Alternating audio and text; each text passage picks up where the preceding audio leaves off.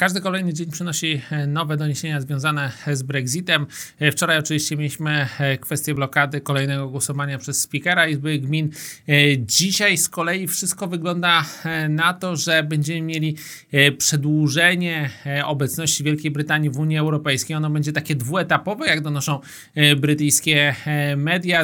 Ono ma być warunkowe, czyli na początek 3 miesiące, a potem być może nawet to przedłużenie było byłoby do dwóch lat, gdyby w ciągu tych trzech miesięcy, y, najbliższych trzech miesięcy nie udało się wypracować y, porozumienia. Także można powiedzieć, że ten Brexit będzie się przeciągał i wydaje się, że na tę chwilę cały czas ryzyko tego chaotycznego opuszczenia Unii jest niewielkie, natomiast częściowo też napływają negatywne informacje ze strony Unii, że Unia, a zwłaszcza Francuzi nie chcą takiego bezcelowego przedłużenia Brexitu, jeżeli żadne nowe inicjatywy mają się nie pojawić a żadnych inicjatyw nowych e, na horyzoncie nie ma, gdyż jak wiemy partia konserwatywna jest e, w niezgodzie, nieporozumieniu, braku wspólnego stanowiska w kontekście e, Brexitu, więc tego wspólnego stanowiska ze strony całej mm, Wielkiej Brytanii oczywiście e, nie ma i najprawdopodobniej nie będzie. Także